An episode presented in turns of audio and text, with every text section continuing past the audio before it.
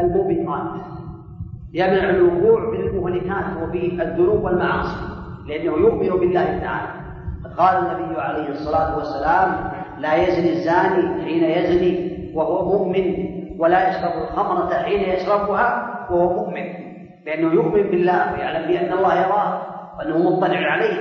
فلا يعمل هذا ولهذا كان الإيمان القوي يحول بين العبد وبين المعاصي. فينتفع بهذا الإيمان نفعا عظيما. كذلك ينصر الله به العبد الإيمان. الله ينصر العبد في الدنيا والآخرة بالإيمان بالله تعالى. والله عز وجل قد قال وكان حقا علينا نصر المؤمنين. المؤمن بالله وبما أخبر به. كذلك عدم تسليط الأعداء على المؤمنين.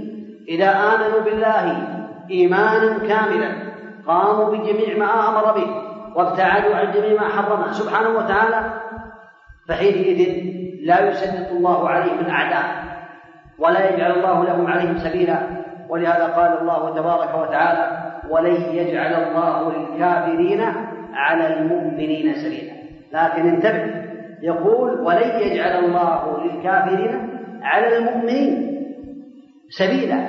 المؤمن الذي آمن بالله تعالى وقام بجميع ما أمر الله به. وابتعد عن جميع ما نهى الله عنه فلن يجعل الله للكافرين عليه سبيلا لأنه قيده بالإيمان. كذلك من الثمرات العظيمة التي يجنيها المسلم من الإيمان بالله تعالى الأجر العظيم كما قال سبحانه وتعالى في المؤمنين ويبين بأنه يعطى المؤمن الأجر العظيم وسوف يؤتي الله المؤمنين أجرا عظيما. ومحبة الله تبارك وتعالى تحصل للعبد ومعية الله تعالى له معية التوفيق والتسديد والإعانة وأن الله مع المؤمنين معهم بنصره وتوفيقه وإحسانه تبارك وتعالى وتثبيته وغير ذلك من الأمور التي يتمناها المسلم والذي التي يحبها المسلم وأنه يحصل عليها من ثمرات هذا الإيمان الذي آمن به لله تعالى. وكذلك من الأمور التي يجنيها المسلم من ثمرات الإيمان بالله تعالى أنه يستحضر عظمة الله تعالى. فينتفع بذلك في الدنيا والآخرة. إذا آمن بالله وعلم بأن الله يراه سبحانه وتعالى وعلم أنه يطلع عليه وعلم أنه لا يخفى عليه خافية وعلم علم أنه يعلم سره ونجواه هذا من أقوى عرى الإيمان بالله تعالى لأنه يطلع عليه سبحانه وتعالى. ولهذا قال الله تعالى إن الله لا يخفى عليه شيء في الأرض ولا في السماء. فالمؤمن بالله يعلم بأن الله لا يخفى عليه شيء في الأرض والسماء فيبتعد عن جميع المحرمات ولا يظلم أحدا ولا يقصر في واجب أوجبه الله ولا يرتكب محرما حرمه الله لأنه يعلم بأن الله يعلم ذلك. ألم ترى أن الله يعلم ما في السماوات وما في الأرض؟ ما يكون من نجوى ثلاثة إلا هو رابعهم ولا خمسة إلا هو سادسهم ولا أدنى من ذلك ولا أكثر إلا هو معهم. أينما كانوا؟ ثم ينبئهم بما عملوا يوم القيامة. إن الله بكل شيء عليم. قال سبحانه قال عيسى بن مريم عليه الصلاة والسلام تعلم ما في نفسي ولا أعلم ما في نفسك إنك أنت علام الغيوب. يعلم كل شيء فهو مستو على عرشه استواء يليق بجلاله ويعلم كل شيء. فأنت تستفيد من الإيمان بالله عز وجل المراقبة درجة المراقبة. لا تحصل إلا للمؤمن الذي يؤمن بالله ويؤمن بصفاته ويؤمن بقدرته ويعلم بأن له السمع وله البصر أن لا يكون جلاله. يراه ويطلع عليه ولا يخفى عليه خافية فهو يراقبه لإيمانه به ويستحي منه أن يفعل شيئا حرمه أو يترك شيئا أوجبه كما قال سبحانه وتعالى يراقب الناس في ذلك وعنده مفاتح الغيب لا يعلمها إلا هو ويعلم ما في البر والبحر وما تسقط من ورقة إلا يعلمها ولا حبة في ظلمات الأرض ولا رطب ولا يابس إلا في كتاب مبين. وما تكون في شأن وما تتلو منه من قرآن ولا تعملون من عمل إلا كنا عليكم شهودا. إذ تفيضون فيه وما يعزب عن ربك من مثقال ذرة في الأرض ولا في السماء ولا أصغر من ذلك ولا أكبر إلا في كتاب مبين. فاعلموا أن الله يعلم ما في أنفسكم فاحذروا. يعلم خائنة الأعين وما تخفي الصدور إذا تحقق هذا عند العبد المؤمن فإنه يستفيد من إيمانه أنه لا يعمل معصية حرمها الله تعالى عليه. وتوكل على الحي الذي لا يموت. وتوكل على العزيز الرحيم الذي يراك حين تقوم وتقلبك في الساجدين. لا يخفى عليه شيء. سبحانه وتعالى. ولا شك أن الإنسان إذا آمن بذلك يبلغ درجة الإحسان الذي هو ركن وهو المراقبة لله وإحسان العبادة يعلم بأن الله يراه وأنه مطلع عليه فإذا علم ذلك لا يمكن يعصي لذا قال بعض القائلين إذا ما خلوت الدار يوما فلا تقل خلوت ولكن قل علي رقيب ولا تحسبن الله غافلا ولا إما تخفي عليه يغيب. قال الآخر إذا ما خلوت بهيمة في ظلمة والنفس داعية إلى الطغيان فصنها وقل يا نفس إن الذي خلق الظلام يراني يا من يرى مد البعوض جناحه مد البعوض جناحه في ظلمة الليل البهيم الأليل ويرى نياط عروقها في نحرها. يرى نياط العروق. يرى البعوضة في الظلمة. ويرى العروق مد جناحها. مد جناحها في الظلمة. ويرى عروق نحرها. ويرى المخ يجري في تلك العظام. هذا يدل على قدرته سبحانه وتعالى أنه على كل شيء قدير. ولا شك أن العبد إذا آمن بالله تعالى تحققت هذه المراقبة في قلبه فابتعد عن جميع المحرمات. ولهذا قال لقمان لابنه يا بني إنها إن تكن مثقال حبة من خردل فتكن في صخرة أو في السماوات أو في الأرض يأتي بها الله. إن الله على كل إن الله بكل شيء عليم. يأتي بها الله. إن الله لطيف خبير. لا يخفى عليه خافية فيا عبد الله عليك أن تعلم ذلك. وتعلم بأن المراقبة هي من الإيمان بالله تعالى. من الإيمان أن تعلم بأن الله يراك. ولهذا جاء ابن عمر كان في طريقه إلى مكة ووجد مملوكا في طريقه معه غنم فقال بعني شاة. فقال هذا الرجل هذا المملوك إني مملوك وهي لسيدي. قال قل لسيدك أكلها الذئب؟ أكلها الذئب. فقال هذا الرجل المملوك فأين الله. إذا قلت أكلها الذئب فأين الله. فبكى ابن عمر رضي الله عنهما واعتقه اشتراه واعتق لله تعالى لأنه يراقب الله تعالى ويعلم بأن الله يراه. ذكر كذلك الحافظ بن رجب في كتابه كلمة الإخلاص قصتين تدلان على أن الذي يراقب الله تعالى قد استكمل الإيمان. إذا راقب الله تعالى واستحضر المراقبة دائما قد استكمل الإيمان وهذه المراقبة وهذا الإيمان يمنعانه من أي معصية يقترفها لذا قال رحمه الله أن رجلا كان في برية في صحراء وجد امرأة في ظلمة في الليل ليس عندها أحد. فراودها عن نفسها فامتنعت فقال ما يرانا إلا الكواكب. قالت فأين مكوكبها الذي كوكبها أين هو فهرب وتركها علم بأن الله يراه. والآخر قال دخل بيتا واسعا وأمر امرأة أن تغلق الأبواب مكرهة بالقوة. وحينما أمرها وأغلقت الأبواب تحت الإكراه قالت هل بقي؟ قال هل بقي من الأبواب شيء؟ قالت نعم يبقى الباب الذي بينك وبين الله أغلقه. فهرب وتركها علم بأن الله يرى. كما سمعتم في الحديث السابق الذي قال به النبي عليه الصلاة والسلام لا يزني الزاني حين يزني وهو مؤمن ولا يشرب الخمرة حين يشربها وهو مؤمن. إذا راقب الله وعلم بأن الله يراه وعلم بأنه مطلع عليه لا يمكن أن يعصي الله. إذا راقب الله وعلم بأنه مطلع عليه لا يمكن أن يقطع رحمه. إذا راقب الله وعلم بأنه يطلع عليه لا يمكن أن يقول زورا ولا يمكن أن يكذب ولا يمكن أن ينقل النميمة ولا الغيبة ولا يمكن أن يظلم. لماذا؟ لأنه يعلم بأن الله يراه وأنه مطلع عليه وأنه يعلم سره ونجواه.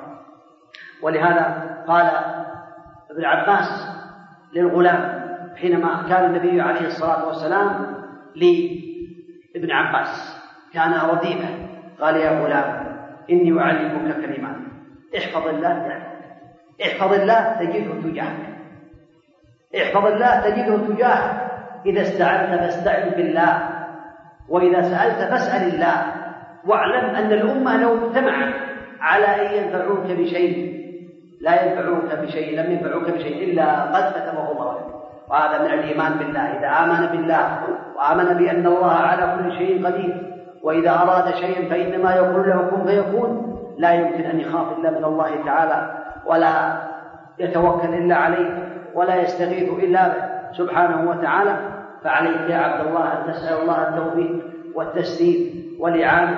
فإن قلوب العباد بين إصبعين من أصابع الرحمن كما قال النبي عليه الصلاة والسلام حينما سئل حينما كان يقول يا مقلب القلوب ثبت قلبي على دينك. يا مصرف القلوب صرف قلوبنا على طاعتك. كان يقول عليه الصلاة والسلام يقول ذلك صلوات الله وسلامه عليه. فقيل له فقال إن قلوب العباد بالعباد بين اصبعين من أصابع الرحمن. قلوب العباد بين اصبعين من أصابع الرحمن يقلبها كيف يشاء فهو يسأل الله التوفيق والثبات وهو رسول الله عليه الصلاة والسلام. فينبغي لي ولك ولكل مسلم أن يسأل الله التوفيق والتسديد والإعانة. أسأل الله الذي لا إله إلا هو بأسماء الحسنى وصفات العلى أن يرزقني وإياكم العلم النافع والعمل الصالح التوفيق لما يحب ويرضاه وأن يجعلنا وإياكم ممن يراقبون الله تعالى ويؤمنون به الإيمان الكامل الذي يعينهم ويحصل به على الثمرات في الدنيا والآخرة. إنه ولي ذلك والقادر عليه. صلى الله وسلم وبارك على نبينا محمد وعلى آله وأصحابه أجمعين. من يهده الله فلا مضل له ومن يضلل فلا هادي له.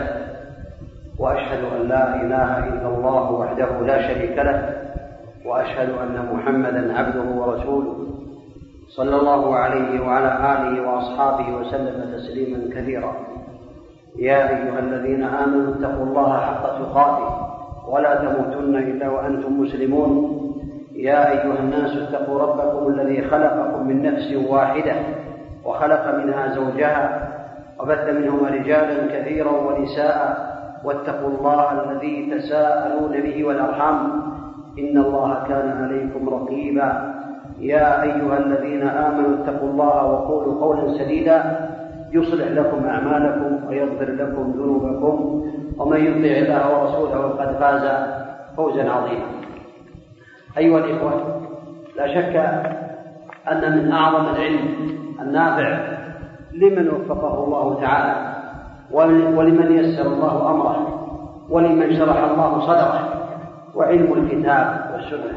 قال الله قال رسوله صلى الله عليه وسلم ولا شك أن أصول الإيمان كما اختارها الإخوة هي أساس الدين وأساس العلم. معرفة الله ومعرفه رسوله عليه الصلاة والسلام معرفة دين الإسلام بالأدلة. ولهذا قال الشيخ الإمام المجدد محمد بن عبد الوهاب رحمة الله عليه العلم هو معرفة الله ومعرفة رسوله صلى الله عليه وسلم ومعرفة دين الإسلام بالأدلة هذا هو العلم. ولا شك أن الإيمان مفهوم الإيمان العام تعريفه هو التصديق الجازم المقرون بالاعتراف. هذا في اللغة وفي الاصطلاح الشرعي عند أهل العلم وقول باللسان واعتقاد بالقلب وعمل بالجوارح يزيد بالطاعة وينقص بالمعصية. هذا تعريف الإيمان في الجملة الذي هو يشمل الدين كله. والإيمان بالله تعالى لا شك أن أركان الإيمان للناظر فيها أركان الإيمان كلها ترجع إلى الإيمان بالله تعالى. لو نظر المسلم في الإيمان أركان الإيمان كلها ترجع إلى الإيمان بالله تعالى. لأن الله هو الذي أخبر سبحانه وتعالى بهذه الأركان. أخبر بالإيمان به وبرسله وبالملائكة وكتبه ورسله وباليوم الآخر وبالقدر خيره وشره من الله تعالى. وكل ذلك يرجع إلى الإيمان بالله تعالى وبما أخبر به وأخبر به رسوله عليه الصلاة والسلام. إذا فالإيمان بالله تعالى هو الإقرار بالله تعالى الإقرار بالقلب والاعتقاد الجازم بأن الله تعالى هو رب كل شيء ومليك وهو المستحق للعبادة وله الأسماء الحسنى والصفات العلى. فلا شك أن هذا هو الذي يشمل الإيمان بالله تعالى وتعريف الإيمان بالله تعالى. ولا شك أن الإيمان بالله تعالى يشمل أمورا أربعة كما ذكر أهل العلم. أمور كثيرة لكن بالاختصار يشمل أمور أربعة. الإيمان بوجود الله تعالى وأنه موجود سبحانه وتعالى وهذا لا شك فيه. كل الناس يؤمنون بذلك وهذا توحيد الربوبية داخل في توحيد الربوبية. وتوحيد الربوبية لا ينكره أحد من الخلق إلا مكابر إلا من المكابرين أو المعاندين وهم يقرون بذلك بقلوبهم لكنهم ينفون بألسنتهم وجحدوا بها واستيقنت أنفسهم ظلما وعلوا. كما يقول الله عز وجل عن آل فرعون. والنبي عليه الصلاة والسلام كان المشركون يكذبون في الغالب الظاهر لكنه في الباطن كانوا يصدقون عليه الصلاة والسلام. والخلاصة أن الإيمان بالله تعالى يشمل هذه الأمور الأربعة. الإيمان بوجود الله تعالى والأدلة على وجود الله تعالى لا يحتاجها المسلم ولله الحمد. لكنها تزيد إيمانه تزيد في الإيمان حينما يسمع الأدلة من كلام الله وكلام النبي عليه الصلاة والسلام يزداد الإيمان فمن الأدلة على وجود الله تعالى أدلة الفطرة. فطرة الله التي فطر الناس عليها لا تبديل لخلق الله. ذلك الدين القيم ولكن أكثر الناس لا يعلمون. والنبي عليه الصلاة والسلام يقول ما من مولود إلا يولد على الفطرة فأبواه يهودانه أو ينصرانه أو يمجسانه. والحديث متفق على صحته. وثبت عنه عليه الصلاة والسلام في الحديث المتفق على صحته أنه قال عليه الصلاة والسلام إني خلقت عباد إني خلقت عبادي حنفاء فاجتالتهم الشياطين فجاءتهم الشياطين فاجتالتهم كلهم. وحرمت عليهم ما أحللت لهم. وهذا يدل على أن الله عز وجل خلق العباد على الفطرة وأن الإنسان بفطرته يعرف بأن الله عز وجل هو الذي خلقه لكن يحتاج إلى توجيه ويحتاج إلى تعليم. قد علمه الله عز وجل ذلك في كتابه وعلى ألسنة رسوله عليهم الصلاة والسلام. وكذلك في من الأدلة الأدلة العقلية كما يذكر العلم. أدلة عقلية كما قال الله عز وجل أم خلقوا من غير شيء أم هم الخالقون؟ أم خلقوا السماوات والأرض بل لا يمكنون هذا يعني هل الإنسان الذي خلق هذه المخلوقات أو هذه المخلوقات تحتاج إلى من خلقها وتحتاج إلى خالق خلقها؟ هو الله تعالى. ولهذا قال سبحانه أم خلقوا من غير شيء أم هم الخالقون؟ أم خلقوا السماوات والأرض بل لا يوقنون؟ قال جبير بن مطعم مطعم رضي الله عنه قال بأنه سمع هذه الآيات من النبي عليه الصلاة والسلام يقرأها قال فكاد أن يطير كاد قلبي أن يطير كاد قلبي أن يطير بما عرف من هذا وأن الله هو الخالق وكان مشركا وذلك أول ما وقر الإيمان في قلبي أو كما قال رضي الله عنه وارضاه. هذا يدل على أن هذا هو من الأدلة على وجود الله تعالى وهي تزيد بمعرفة الله ومعرفة النبي صلوات الله وسلامه عليه. ومما يدل على هذه الأمور العقلية أن الإنسان حينما ينظر في هذه المخلوقات في السماوات وفي الأرض وفي البحار وفي الأشجار وفي جميع الليل وجميع المخلوقات والليل والنهار يعلم بأن هذه الأشياء خلقها الله تعالى وهذا هو الذي بينه الله عز وجل في كتابه بينه النبي عليه الصلاة والسلام. ولهذا جاء بعض الملحدين إلى أبي حنيفة أي إلى أبي حنيفة رحمه الله تعالى. فسألوه عن أدلة وجود الله وجود الصانع عنده. فقال دعوني فإن بالي مشغول.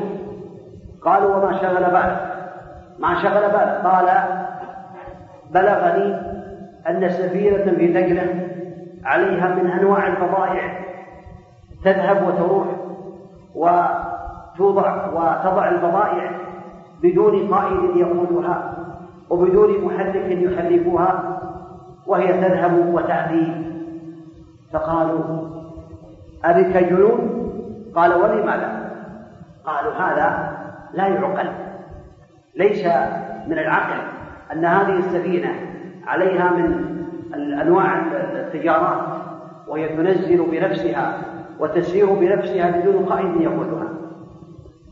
قال رحمه الله تعالى فهذه السماوات وهذه المخلوقات وهذه الأبراج هل من المعقول أن تسير بدون مسير يسيرها وبدون خالق خلقها؟ فبهتوا عند ذلك.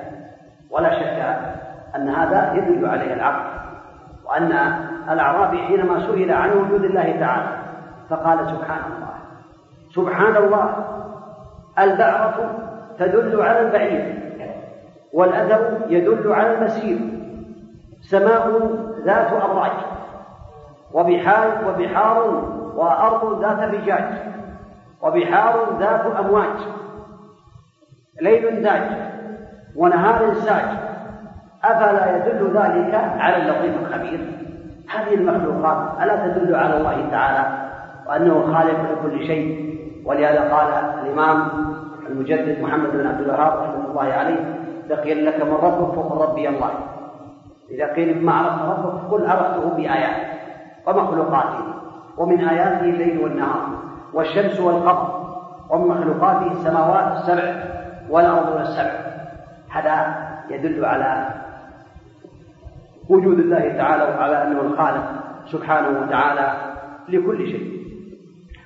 ولا شك أن الإنسان يؤمن بدون هذه الأدلة المؤمن لكن هذا يزيد في إيمانه هناك أدلة حسية يستفيد منها المؤمن في زيادة الإيمان والكافر في دخول الإسلام. أدلة أدلة حسية يراها الناس. ويشاهدونها. ومن هذه الأدلة إجابة الدعوات. أدلة حسية ملموسة. يراها الناس بأعينهم تدل على وجود الله. وأن الله على كل شيء قدير. وأن بيده كل شيء سبحانه وتعالى. ومن هذه الأدلة أن النبي عليه الصلاة والسلام كان يخطب يوم من الأيام فدخل رجل المسجد فقال يا رسول الله انقطعت السبل. وجاء وهلكت الأموال تدعو الله أن يغيثنا. فرفع يديه عليه الصلاة والسلام وقال اللهم أغثنا اللهم أغثنا اللهم أغثنا قال أنس رضي الله عنه لا والله ما كان في السماء من قزعة فأنشى الله سحابة قد ترس حتى لم ينزل النبي صلوات الله وسلامه عليه من منبره إلا والمطر يتحاذر عن لحيته. قال فلم نرى الشمس سبتا؟ يعني أسبوعا كاملا. ما رأوا الشمس والمطر يمطر. وفي اليوم الجمعة الأخرى دخل رجل مع باب من أبواب المسجد فقال يا رسول الله هلكت الأموال وانقطعت السبل فادعوا الله أن يمسكها عنا. فرفع يديه عليه الصلاة والسلام وقال اللهم حوالينا ولا علينا. اللهم على الضراب والآكام وبطول الأودية ومنابت الشجر فانفرجت. وكان في بعض الروايات أنه يشير عليه الصلاة والسلام بيده فيذهب السحاب مع يمين مع يده يمنة ويسرى. هذا يدل على قدرة الله وعلى أن الله عز وجل يجيب الدعوات وعلى أن هذه أمور محسوسة تزيد في إيمان العبد وأنها تدل على وجود الله تعالى أنه القادر على كل شيء سبحانه وتعالى. وأدلة أخرى حسية وهي معجزات الأنبياء عليهم الصلاة والسلام. فإنها تدل على مرسلهم الذي أرسله وأنه الخالق لكل شيء وأنه مدبر كل شيء وأنه المستحق للعبادة وأنه الذي له الأسماء الحسنى والصفات العلى. أدلة واضحة تسمى المعجزات وتسمى الآيات. منها آيات الأنبياء عليهم الصلاة والسلام كآيات موسى. عليه الصلاة والسلام يضرب بالعصا البحر فينفلق فيكون كالطود العظيم فانفلق فكان كل فلق كالطود العظيم. وغيره من الأنبياء كآيات عيسى عليه الصلاة والسلام يحيي الموتى ويخرجهم من قبورهم. وآيات النبي محمد عليه الصلاة والسلام كانشقاق القمر حينما سأله المشركون؟ قالوا إن كنت صادقا فافرق لنا القمر خلقتين فسأل الله عز وجل أن يريهم هذه الآية. ففلق الله القمر خلقتين فرأوه في السماء نصفين. فقالوا إذا ننتظر حتى يقدم أهل الشام وأهل اليمن فإذا رأوه فهذا حق.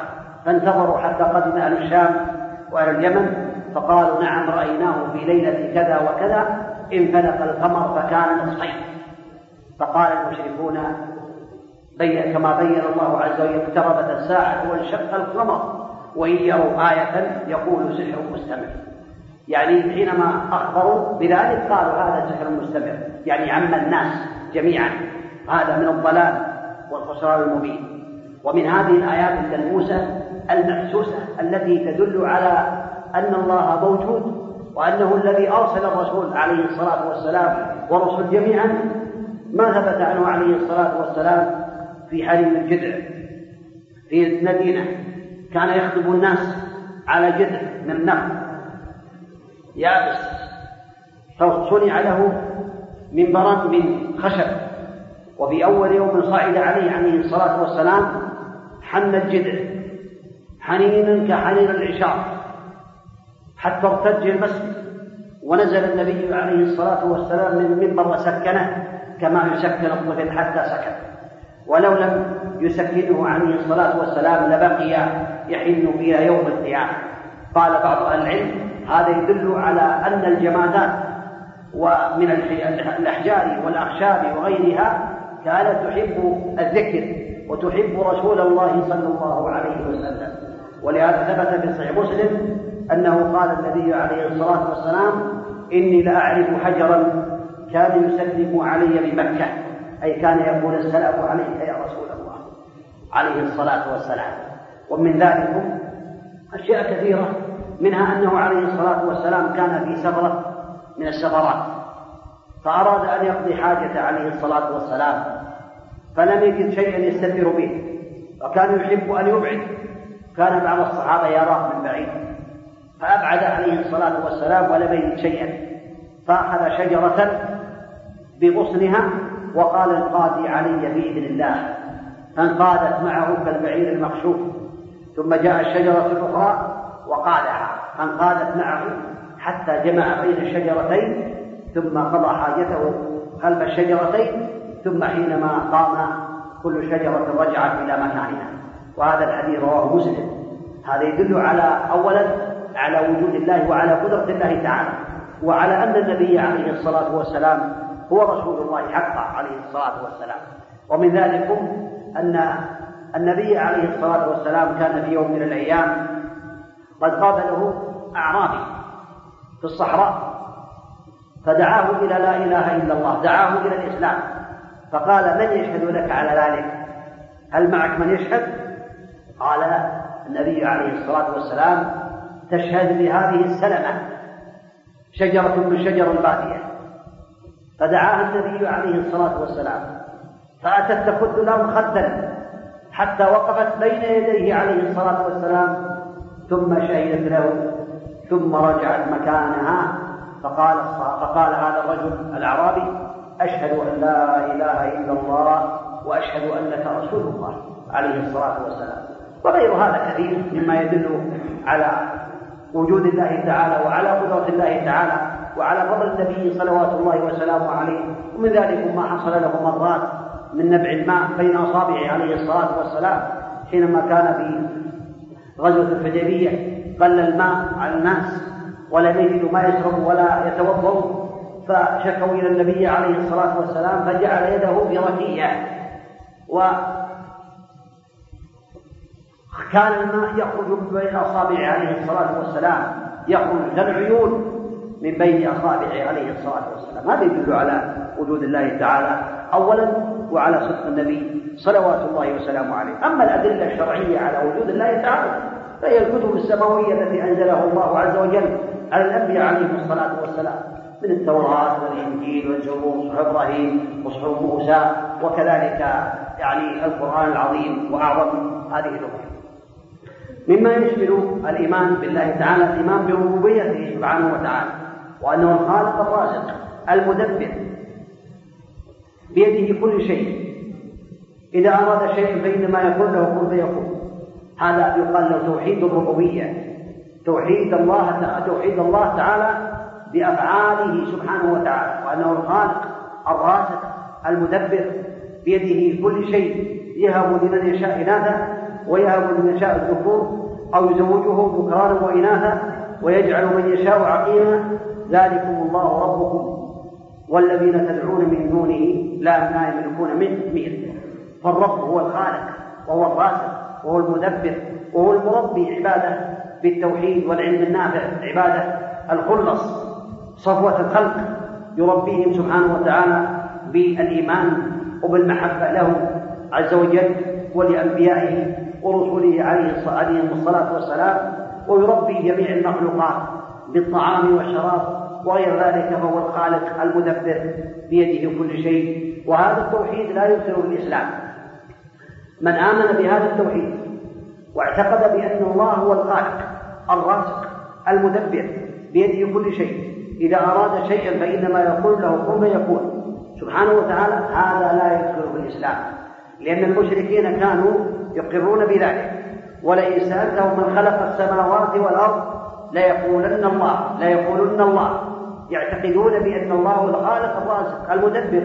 لذا قال الشيخ محمد بن عبد الوهاب رحمة الله تعالى عليه في القواعد الأربع بالتوحيد قال إنه النبي عليه الصلاة والسلام ظهر على أناس يقرون بتوحيد الربوبية ومع ذلك لم يدخلوا ذلك في الإسلام.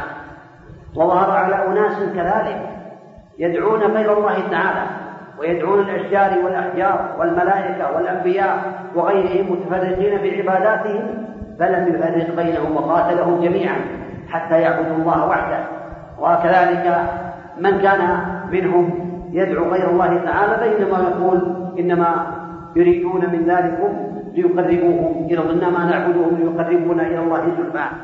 بين ذلك رحمه الله تعالى بيانا شافيا وأن التوحيد التوحيد الله عز وجل بتوحيد الربوبية لا يدخل في الإسلام. وإنما, وإنما الذي يدخل في الإسلام توحيد الألوهية. الذي هو الأمر الثالث مما يجب الإيمان به تعالى لله تعالى.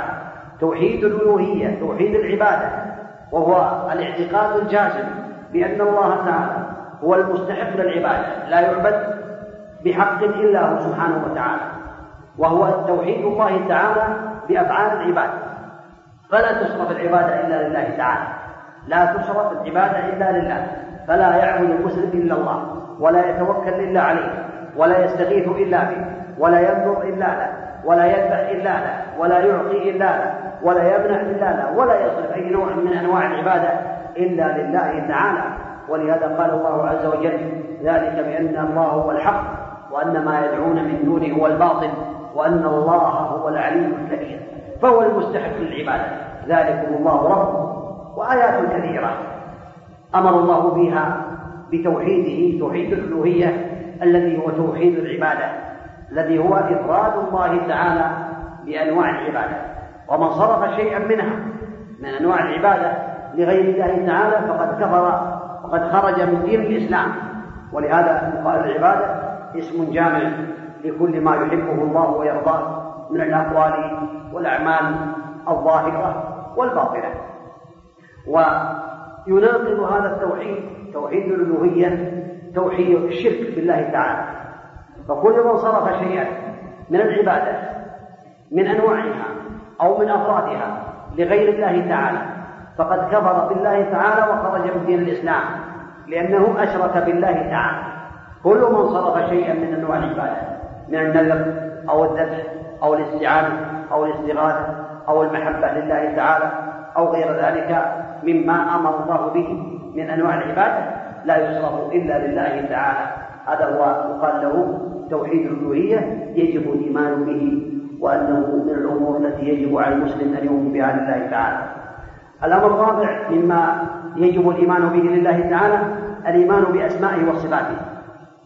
فكل ما أخبر الله به كل ما وصف الله به نفسه أو سمى به نفسه في كتابه العزيز أو وصفه به رسوله عليه الصلاة والسلام أو سمى به النبي عليه الصلاة والسلام وجب الإيمان به. فالإيمان بأسماء الله الحسنى والصفات العلى من أعظم ركائز الإيمان بالله تعالى. فلا بد للعبد أن يؤمن بذلك. ولله الأسماء الحسنى فادعوا بها. ويرى الذين يلحدون في أسمائه. ولا شك أن الإيمان بالأسماء الحسنى عند أهل السنة والجماعة هو مبني عن على كتاب الله تعالى من غير تحريف ولا تعطيل ولا تأييد ولا تنزيل يمرونها كما جاءت مع الإيمان بمعانيها. فيؤمنون بأن الله سبحانه وتعالى هو القادر الذي هو على كل شيء قدير. فله من الأسماء الحسنى اسم القدير وله من الصفات العلى صفة القدرة. مشتقة من هذا الاسم ومن أسمائه سبحانه وتعالى وتدل ويدل هذا الاسم على أن الله تعالى يتصف بالقدرة إذا أراد شيئا فإنما يقول له كن فيكون سبحانه. ومن أسمائه الكريم. فمن أسماء الحسنى الكريم. ومن صفاته الكرم والجود. وكرمه سبحانه وتعالى ليس ككرم خلقه وقدرته ليس كقدرة خلقه. فالاسم إذا أضيف لله تعالى أو الصفة فهو مختص بالله تعالى على الوجه اللائق بالله تعالى. ومن أسمائه سبحانه وتعالى الرحمن الرحيم العزيز الجبار المتكبر المهيمن المؤمن وغير ذلك من الأسماء التي وردت في كتاب الله تعالى وفي سنة النبي عليه الصلاة والسلام فيجب على المؤمن أن يؤمن بها ولا يصف الله تعالى إلا بما وصف نفسه فلا كما يقول العلم يقول العلم يقولون أسماء الله والصفات توقيفية بحيث لا يجوز للعبد أن يسمي الله تعالى باسم إلا وقد سمى به نفسه أو سمى به النبي عليه الصلاة والسلام. ولا يصف الله بصفة إلا وقد وصف بها نفسه أو وصفه بها رسوله عليه الصلاة والسلام. هكذا يجب على العبد أن يؤمن بذلك ويجعل صفات الله تعالى كما على الوجه اللائق بالله تعالى. من الصفات لله تعالى صفة الاستواء على العرش الرحمن على العرش استوى. عند أهل السنة السنة والجماعة استواء يليق بجلاله سبحانه وتعالى. ليس كمثله شيء. الاستواء معلوم. والإيمان به واجب. والكيف مجهول. والسؤال عنه بدعة أي سؤال عن الكيفية نزوله سبحانه وتعالى ينزل. كما قال النبي عليه الصلاة والسلام في الثلث الآخر من الليل إلى سماء الدنيا. فيقول من يدعوني فأستجيب له؟ من يسألني فأعطيه؟ من يستغفرني فأغفر له؟ حتى يبرق الفجر وهو يقول ذلك سبحانه وتعالى. لكن هذا النزول يليق بجلاله كلا كنزول خلقه. يليق بجلاله سبحانه وتعالى. ليس كمثله شيء وهو السميع البصير. فالنزول معلوم والإيمان به واجب بالنزول. والكيف مجهول كيفية النزول. والسؤال عنه بدعة أي عن الكيفية وهكذا جميع الصفات له يدان. سبحانه وتعالى بل يداه مبسوطتان ينفق كيف يشاء. ويداه كلتاهما يمين في الشرف والفضل. له يمين وشمال لكن في الفضل والشرف كلتا يديه يمين. لا يعتريها نقص بوجه من الوجوه. سبحانه وتعالى. ومن عظمته وعظمة صفاته أنه يقبض السماوات والأرض يوم القيامة بيمينه والسماوات مطويات بيمينه سبحانه وتعالى عما يشركون. ما السماوات السبع والأرضون السبع في كف الرحمن إلا كحبة خردلة في يد أحدنا أو كما قال الراوي في الأثر الذي ذكره ابن عبد الوهاب في آخر كتابه كتاب التوحيد. فلا شك أن على العبد أن يؤمن بصفات الله تعالى على الوجه اللائق بالله تعالى ويعلم بأنها قد جاءت في الكتاب أن لها معاني تدل عليها وأنها لا تكون كصفات المخلوقين. صفات المخلوقين ضعيفة يعتريها النقص. إذا كان كريما فكرمه قليل وكرمه ينتهي وكرمه حدث بعد أن لم يكن. وكرمه قليل. وأما كرم الله تعالى فما في السماوات وما في الأرض وما في الدنيا وما في الآخرة. مما يتمناه المتمنون ويحبه المحبون إلا من كرم الله تعالى سبحانه وتعالى. هذا من صفات الله تعالى. هناك أشياء تزيد الإيمان بالله تعالى. تزيد الإيمان إيمان العبد فيزداد إيمانه بالله تعالى وبما جاء به. ومن هذه الأمور أولا الإيمان بما أخبر الله به وأخبر به رسوله عليه الصلاة والسلام. إيمانا تصديقا جازما مع الاعتراف واليقين بما أخبر الله به وأخبر به النبي عليه الصلاة والسلام. وهذا كما قلت تدخل فيه الأركان الأخرى التي هي من باب التفصيل للإيمان بالله تعالى. فأخبر سبحانه وتعالى في كل شيء. أخبر بما كان وما يكون وما لم يكن وما في الحاضر.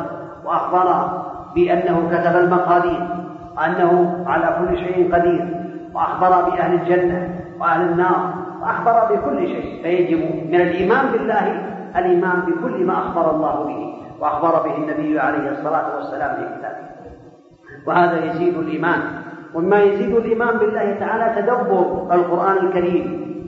تدبره وقراءته والعناية به. ولهذا قال الله عز وجل كتاب أنزلناه إليك مبارك ليدبروا آياته وليتذكر أولو الألباب.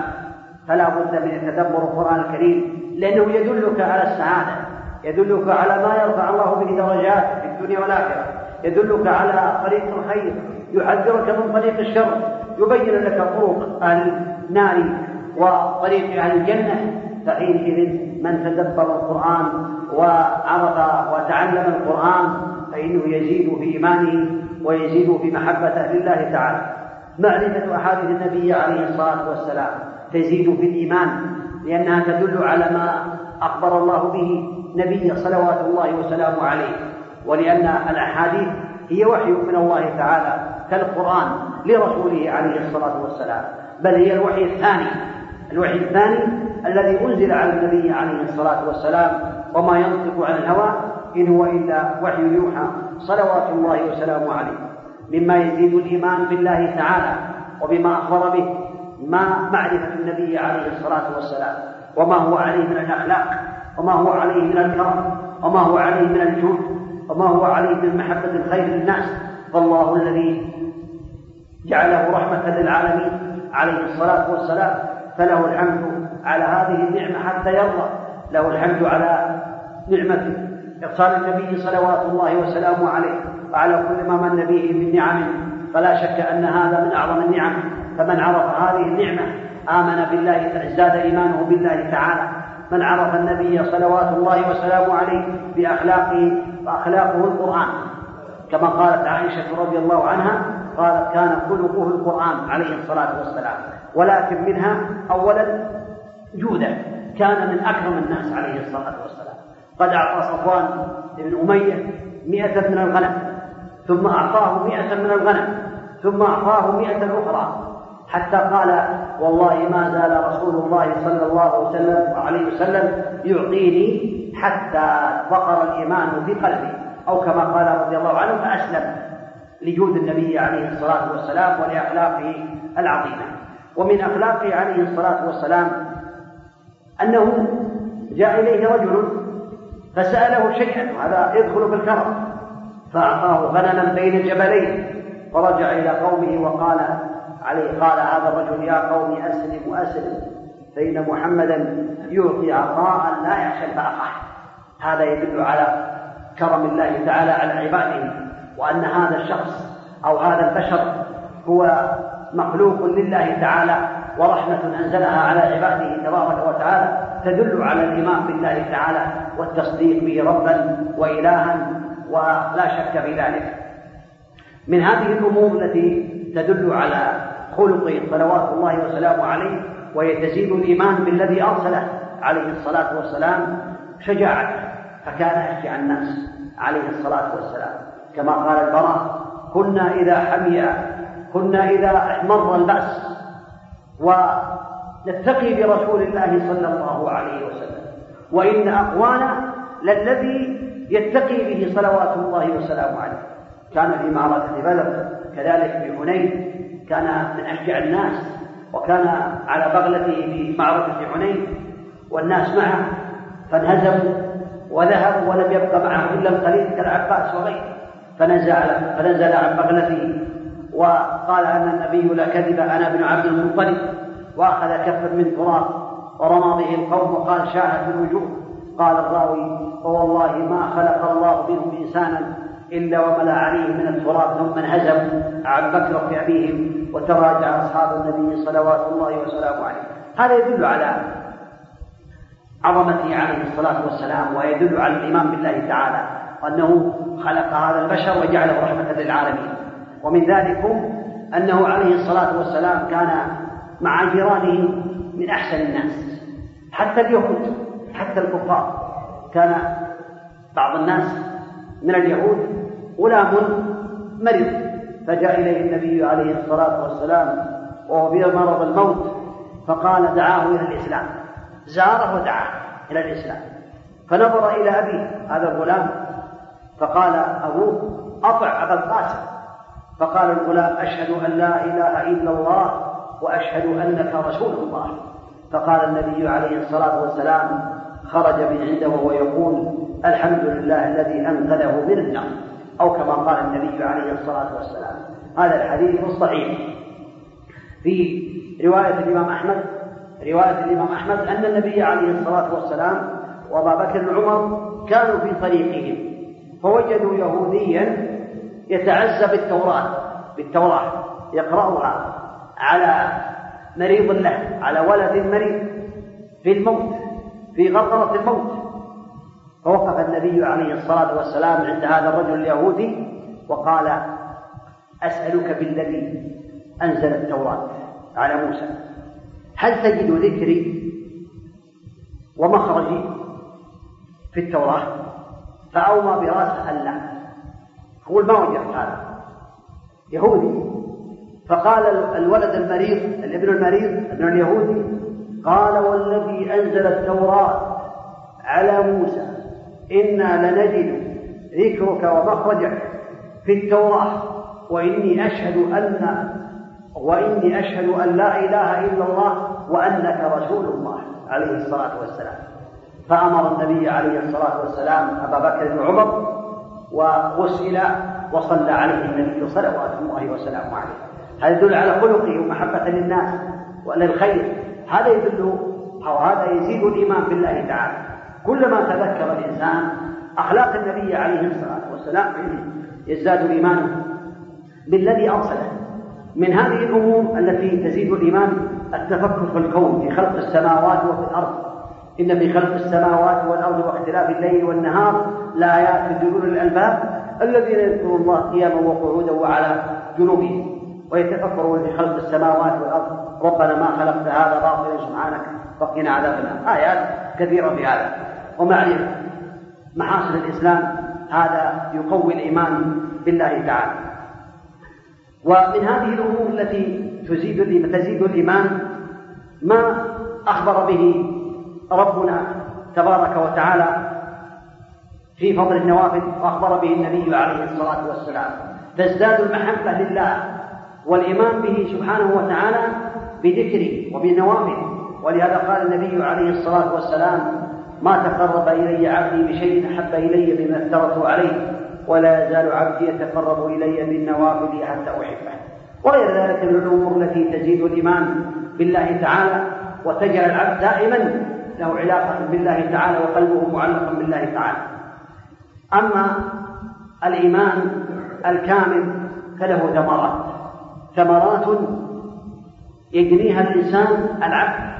إذا آمن بالله تعالى الإيمان الكامل بأسماء بألوهيته وربوبيته وأسمائه وصفاته وما أخبر به وبجميع ما أمر به سبحانه وتعالى وجميع ما نهى عنه إذا حصل له ذلك حصل له ثمرات حصل على فوائد في الدنيا والآخرة. من هذه الفوائد ما ذكره الله عز وجل في كتابه وما بينه النبي عليه الصلاة والسلام في سنته صلوات الله وسلامه عليه.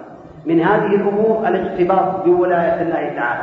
يقتبض ويستر يجد السرور والراحة بولاية الله تعالى. كما قال سبحانه وتعالى ألا إن أولياء الله لا خوف عليهم ولا هم يحزنون. الذين آمنوا وكانوا يتقون لهم البشرى في الحياة الدنيا وفي الآخرة. لا تبديل لكلمات الله ولا شك أن الله تبارك وتعالى بين بأنه ولي المؤمنين كما قال الله عز وجل في الحديث القدسي من عاداني وليا فقد آذنته بالحرب ومن هذه الأمور أو الثمرات العظيمة التي يجدها الإنسان المؤمن بالله تعالى ربا وبالإسلام دينا وبمحمد رسولا صلى الله عليه وسلم من ذلك الفوز برضا الله تعالى. الفوز برضاه. والنجاة من النار. كما قال الله عز وجل والمؤمنون والمؤمنات بعضهم أولياء بعض يأمرون بالمعروف وينهون عن المنكر ويقيمون الصلاة ويؤتون الزكاة ويطيعون الله ورسوله.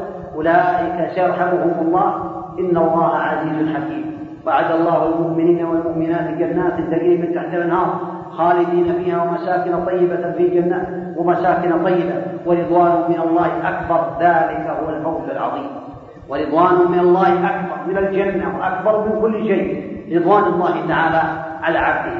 ما حصل لهم ذلك إلا بالإيمان بالله تعالى وبما أخبر به. الإيمان الكامل يحول بين العبد وبين النار فهو يحرمه على النار كما ثبت عن النبي عليه الصلاة والسلام. أما الإيمان الضعيف فهو كذلك ينجيه من الخلود في النار على المذهب أهل السنة والجماعة أن المؤمن كامل الإيمان الذي لا ذنب عليه ولا كبيرة يدخل الجنة من أول وهلة. أما العاصي الذي عنده كبيرة من كبائر الذنوب فهو يدخل النار إن شاء الله تعالى عفى عنه إن شاء أدخله النار لكنه يخرج بإيمانه وبشفاعة الشافعين وهذا بفضل الله تعالى ثم فضل الإيمان بالله تعالى. الإيمان يدافع الله عن صاحبه الشرور في الدنيا والآخرة. كما قال الله عز وجل إن الله يدافع عن الذين آمنوا إن الله لا يحب كل خوان كفور فإذا آمن العبد بالله تعالى إيمانا كاملا واعتقادا جازما فإنه يدافع عنه ويدفع عنه كل ما يخاف وكل ما يهرب منه ويثمر الحياة الطيبة الإيمان. كما قال الله عز وجل من عمل صالحا من ذكر أو أنثى وهو مؤمن فلنحيينه حياة طيبة ولنجزينهم أجرهم بأحسن ما كانوا يعملون. يثمر الحياة الطيبة. حياة في الدنيا طيبة وفي الآخرة الجنة كما قال الله عز وجل في هذه الآية. يهدي به الله تعالى إلى صراط مستقيم. إن الذين آمنوا وعملوا الصالحات سيهديهم ربهم بإيمانهم. إن الذين آمنوا وعملوا الصالحات يهديهم ربهم بإيمانهم. في جنات النعيم. دعواهم فيها سبحانك اللهم وتحيتهم يا سلام. وكذلك الإيمان.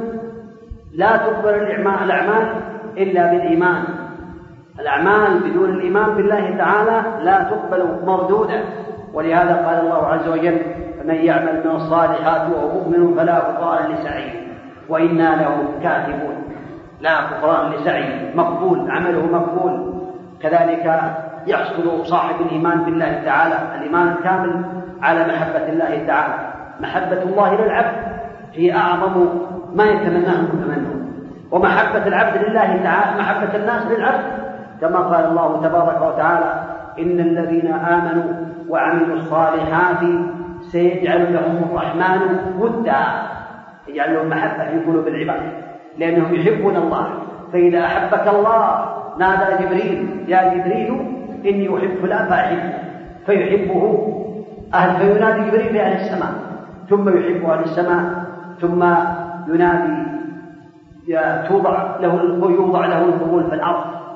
وإذا أبغض الله العبد نادى جبريل يا جبريل إني أبغض فلان فأبغضه فينادي جبريل في السماء إن الله فلان فأبغضه نسأل الله لنا ولكم العفو والعافية في الدنيا والآخرة. كذلك المؤمن أو من ثمرات الإيمان حصول البشارة بكرامات الله تعالى من من جميع الوجوه. وفي بعض الآيات إطلاق البشارة لتعم جميع ما يتمناه الإنسان وكل ما يفرح به. ومن هذا قوله تبارك وتعالى وبشر المؤمنين في آيات كثيرة مطلقة بدون أن يذكر المبشر به. وفي بعضها يبشر يذكر المبشر به. وفي بعضها وبشر المؤمنين. حتى تعم هذه البشارة كل ما يتمنى كل ما يتمناه المؤمن في الدنيا والآخرة من النصر والتأييد والعز والثبات والفوز بالجنة والنجاة من النار وغير ذلك. الانتفاع من ثمرات الإيمان بالله تعالى الانتفاع بالذكر والمواعظ. ولهذا قال الله تبارك وتعالى في ذلكم وذكر فإن الذكرى تنفع المؤمنين. الثواب المضاعف. يضاعف الثواب لصاحب الإيمان الكامل بالله تعالى وبما أخبر به النبي صلوات الله وسلامه عليه. يا أيها الذين آمنوا اتقوا الله وآمنوا برسوله. يؤتكم كفلين أي نصيبين من رحمته ويجعل لكم نورا تمشون به. والله غفور رحيم. يضاعف له الثواب ويضاعف له الأجر من الله تعالى وهذا من ثمرات الإيمان بالله سبحانه وتعالى. المؤمن صاحبه أو الإيمان صاحبه على خير في السراء وفي الضراء. كما قال النبي صلوات الله وسلامه عليه عجبا لأمر المؤمن إن أمره كله خير إن أصابته سراء شكر فكان خيرا له. وإن أصابته ضراء صبر فكان خيرا له. وليس ذلك لأحد إلا للمؤمن كما قال النبي صلوات